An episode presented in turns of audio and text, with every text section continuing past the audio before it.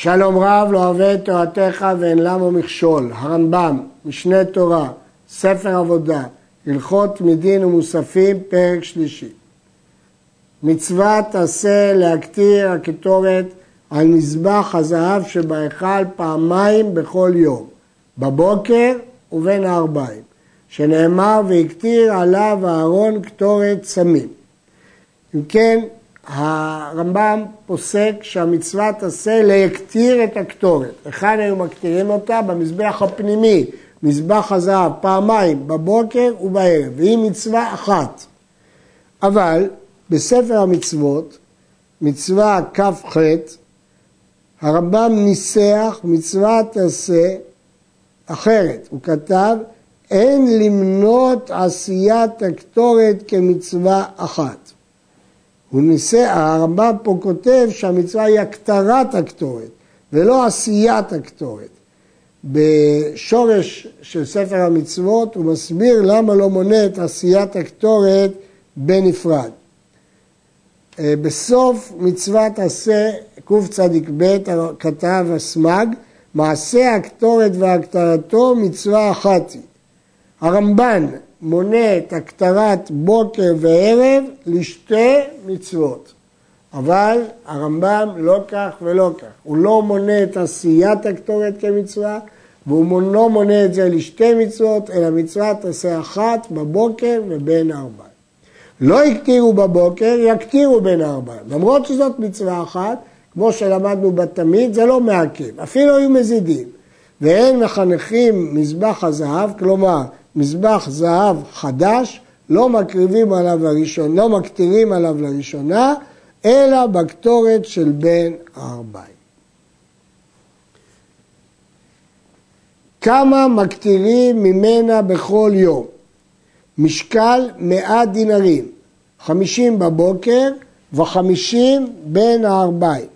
המשקל של הקטורת שמקטירים ממנה זה מאה דינרים, חמישים בבוקר וחמישים בין הארבעים. הדבר הזה מפורש במסכת כריתות, אבל לא ברור אם השיעור הזה הוא שיעור מהתורה או לא שיעור מהתורה, והאחרונים פה דנים על זה. מזבח שנעקר, אין מזבח, איך מקטירים? מקטירים קטורת במקומו, לא חייבים על המזבח, אפשר להקטיר גם במקום של המזבח. וקטורת שפקעה מעל גבי המזבח, אפילו קרטין שבה, אין מחזירים אותו. לא מחזירים את הקטורת אם היא פקעה מעל המזבח, לא מחזירים אותה. אפילו חתיכות ממשיות, לא מחזירים אותם למזבח. בעת שמקטירים הקטורת בהיכל בכל יום, פורשים כל העם מן ההיכל ומבין האולם למזבח. לא יהיה שם אדם עד שיצא זה שהקטיר הקטורת. וכן בשעה שייכנס בדם חטאות הנעשות בפנים, פורשים הכל מן האולם למזבח עד שיצא. שנאמר וכל אדם לא יהיה באוהל מועד בבואו לכפר בקודש. בניין אב לכל הכפרה בקודש שלא יהיה אדם. ובכן הפסוק הזה שמדבר ביום הכיפורים הוא בניין אב. שכל מה שמכפרים בקודש, כלומר בהיכל פנימה, שזה כולל קטורת של מזבח הזהב היא בהיכל פנימה, והחטאות הפנימיות שמזים את דמיהם במקדש פנימה, חייבים כולם לפרוש מההיכל. אבל לא רק מההיכל, אלא גם בין האולם למזבח. כך המשנה אומרת, שבין האולם למזבח ליד זה קדושתו כמו ההיכל. יש להדגיש שבקטורת יום הכיפורים, שזה לפני ולפנים, אין צריך לפרוש אלא מההיכל, כי זה השטח שקרוב. אבל כאן, שמקטירים בהיכל, צריך לפרוש גם בין האולם למזבח. כיצד סדר הקטרת קטורת בכל יום? מי שזכה בדישון המזבח הפנימי נכנס, וכלי קודש בידו, ותני היה שמו. כלי הזה קראו לו תני. ושל זהב היה, הוא מחזיק קביים וחצי. מניח התני בארץ שלפניו, וחופן בידו האפר והפחם שבתוך המזבח, ונותן לתוך התני. ובאחרונה, שהוא כבר לא יכול לחפון, מכבד את השאר לתוכו, ומניחו שם בהיכל ויוצא. ומי שזכה בקטורת, נוטל כלי מלא קטורת גדוש, וכסוי היה לו, ובזך היה שמו. ונותן הבזך בתוך כלי אחר, וכף היה שמו, ומכסה את הכף בבגד קטן, ואוחז הכף בידו ונכנס, ועמו אחר במחתה של אש בידו.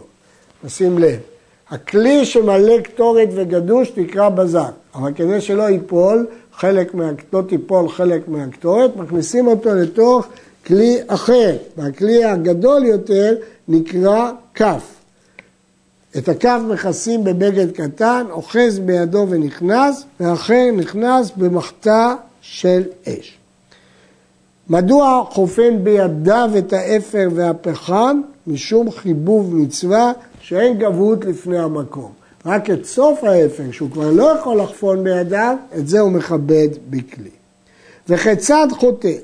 זה שזכה במחתה, לוקח מחתה של כסף, ועולה לראש המזבח, ומפנה הגחלים הלך והלך, ונוטל מן הגחלים שנתעכלו במערכה שנייה, ויורד ומערן לתוך מחתה של זהב, אם נתפזרו מן הגחלים כמו קו או פחות, מכבדן לאמה, ובשבת כופה עליהן פסחתר, ואם נתפזר יתר על קו, חוזר וחוטא. נסביר. קודם כל נכנס אחד ודישן את המזבח הפנימי, דהיינו ניקה את כל האפר והפחם מעליו. אחר כך צריכים להביא גחלים כדי להקטיר את הקטורת. מאיפה היו מביאים גחלים? למדנו שהיו מערכות במזבח, אחת מערכה של קורבנות ואחת מערכה שממנה לוקחים, מערכה שנייה של עצי תאנה יפים, שממנה לוקחים לקטורת. אם כן, הוא לוקח אה, מחתה של כסף כדי לא לקלקל את המחתה, כי אם היא תהיה של זהב זה בזבוז כסף, לוקח אה, מהגחלים המעוקלות במערכה השנייה, מערה אותם לתוך מחתה של זהב, כי עכשיו כבר זה פחות מזיק למחתה, והוא צריך להכניס בצורה מכובדת עם מחתה של זהב. עכשיו, הבעיה היא שהמחתה של זהב הייתה קטנה, כי המחתה של כסף הייתה ארבעה קבים, והיה מערה בשל שלושה קבים, אז בוודאי התפזר קו. הרמב"ם אומר, אם נתפזרו מהגחלים כמו קו. אבל לשון הרמב"ם הוא אם נתפזרו. בכל אופן, הגחלים שהתפזרו, מכבדם לאמה ובשבת כופה עליה פסחתה. ואם נתפזר יותר על קו, חוזר וחוטא. נסביר את ההיגיון. ההיגיון הוא שמוכרחים שלושה קבים של גחלים בשביל הקטורת, אסור לבחון. כיוון שאנחנו חוששים שהוא לא ידייק, אז אומרים לו לקחת במחתה של ארבעת קבים, גדולה, של כסף. אחר כך הוא מעביר אותה למחתה של זהב ממלא, ואז מתמלאים שלושה קבים, וקו אחד מתפזר. והקו הזה שמתפזר, מכבדם לאמה, ובשבת כופה עליה פסחתר. שלושה דברים היה פסחתר משמש. הכלי הזה שקראנו לו פסחתר, היו לו שלושה תפקידים. כופין אותו על הגחלים ועל השרץ בשבת. על הגחלים, הסברנו שכופין אותו, על השרץ, הרמב"ם בהלכות ביאת מקדש כתב, כל מקום שחייבים הזדונו כרת שכתוב קורבן, אם נמצא שם תרומה, כלומר שרץ, מוציאים אותה, ושאר המקומות כופים עליו כלי עד אחר השבת. אז אם השרץ נמצא בהיכל או בעזרה, מטלטלים אותו, אבל בשאר מקומות שלא שייך כל כך מיאוס, כופים עליו פסחתר. והתפקיד השלישי, מורידים בו את הדשא מעל המזבח, כבר למדנו שהיו עושים ערימה גדולה מכל הדשא, מכניסים אותו לכלי הגדול הזה של פסחתר ומוציאים אותו אל מחוץ לעיר. ומקדים לפניהם זה שדישן המזבח הפנימי ונוטה לתני שבו דישון המזבח, שקודם כל הוא מילא אותו, הוא משתחווה ויוצא. וזה שבידו המחתה צובר את הגחלים על גבי המזבח הפנימי ומרדדם, משטח אותם, מיישר אותם על המזבח. בשולי המחתה, באמצעות השוליים של המחתה הוא מיישר את הגחלים, הוא משתחווה וזה יוצא. זה שבידו הכף, שאמרנו שהוא כלי גדול שבתוכו הבזק מלא וגדוש מקטורת, נוטל את הבזק מתוך הקו ונותנו לאהובו או לקרובו, ורואה. אם נתפזר מן הקטורת מעט בכף, נשפך מהבזח לכף, אהובו או קרובו נותן לו לתוך אופניו זה שנתפזר, עם הקטורת שבבזח הוא משתחווה ויוצא.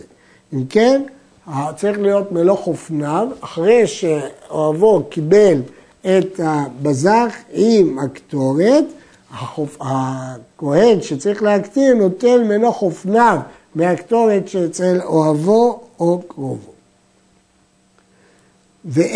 ואומרים לזה המקטיר, היזהר שלא תתחיל מלפניך שלא תיכווה. מה פירוש?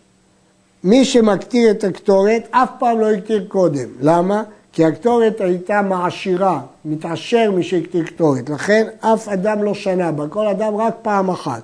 אז היו מלמדים אותו כי אין לו בקיאות, שלא יתחיל מלפניו, שלא ייפקעו חלקיקי הקטורת ויכווה. לכן אה, מתחיל ומשליך את הקטורת על האש בנחת כמי שמרקד סולת עד שתתרדה על כל האש. נמצאו שחמישה כהנים היו נכנסים להיכל ויוצאים זה אחר זה. מי שזכה בדישון המזבח ליטול את הקטני נכנס ויוצא. מי שזכה בדישון המנורה להיטיב את הנרות וליטול את הכוז. מי שזכה במחתה לרדד את הגחלים, ואחד נכנס למי שזכה בקטורת ליטול את הכף מיד המקטיר, והמקטיר, הרי חמישה. כל כך למה? מפני שהייתה חביבה לפניו יתברך. ואין המקטיר מקטיר עד שהממונה אומר לו הקטר. ואם הוא כהן גדול, אומר לו הממונה אישי כהן גדול הקטר. ואחר שאומר לו, יפרשו כל העם ויקטיר המקטיר וישתחווה ויצא. דישון המנורה והטבת נרותיה בבוקר ובין הארבעים מצוות עשה. שוב, הרמב"ם מצווה אחת בבוקר ובין הארבעים. שנאמר יערוך אותו אהרון ובניו. והדלקת הנרות דוחה את השבת ואת הטומאה, כקורבנות שקבעו עליהם זמן, שנאמר לעלות נר תמיד, כיוון שכתוב תמיד, אפילו בשבת ואפילו בטומאה. אה, יש לדייק מלשון הרמב"ם, שהוא כותב והדלקת הנרות דוחה את השבת ואת הטומאה. מדייק הרדווז שדישון לא דוחה, ואז הוא מקשה, אם לא ידשן, איך ידליק? אומר הרדווז ודאי שהוא גם ידשן בשבת. אבל עיקר המלאכה שנדחית היא הדלקה, הדישון אין בו חילול שבת כמלאכה של תורה, רק בהדלקה, לכן הרמב"ם הדגיש את ההדלקה. אבל כמובן שגם היו מדשנים בשבת. וכמה שמן הוא נותן לכל נר? חצי לוג שמן, שנאמר מערב עד בוקר. תן לו כמידה שיהיה דולק מערב עד בוקר. ואין מחנכים המנורה, כלומר מנורה חדשה שלא הדליקו בה בעולם, אלא בהדלקת שבעה נרותיה בין הארבעים. יש להעיר שהרי יש לילות ארוכים ויש לילות קצרים. אז אם כן, איך ייתכן שחצי לוג זה יספיק? התשובה היא, השיעור הזה שיערו אותו לפי הלילות הארוכים של טבת, חצי לוג. בלילות הקצרים יוותר, תהיה שארית, אז ידלק ביום, אין בכך כלום. מהו דישון המנורה? כל נר שקבע, מסיר הפתילה וכל השמן שבנר, ומקנחו, צריך להסיר את שאריות הפתילה, את שאריות השמן, לקנח, לנגב, ונותן לו, בו פתילה אחרת ושמן אחר במידה שהוא חצי לו. וזה שהסיר, שאריות השמן שהוא הסיר, משליחו במקום הדשן אצל המזבח עם דישון המזבח הפנימי והחיצון. מאותו מקום שדיברנו עליו קודם, ששם שמים מוראות העוף, דישון מזבח הפנימי והמנורה.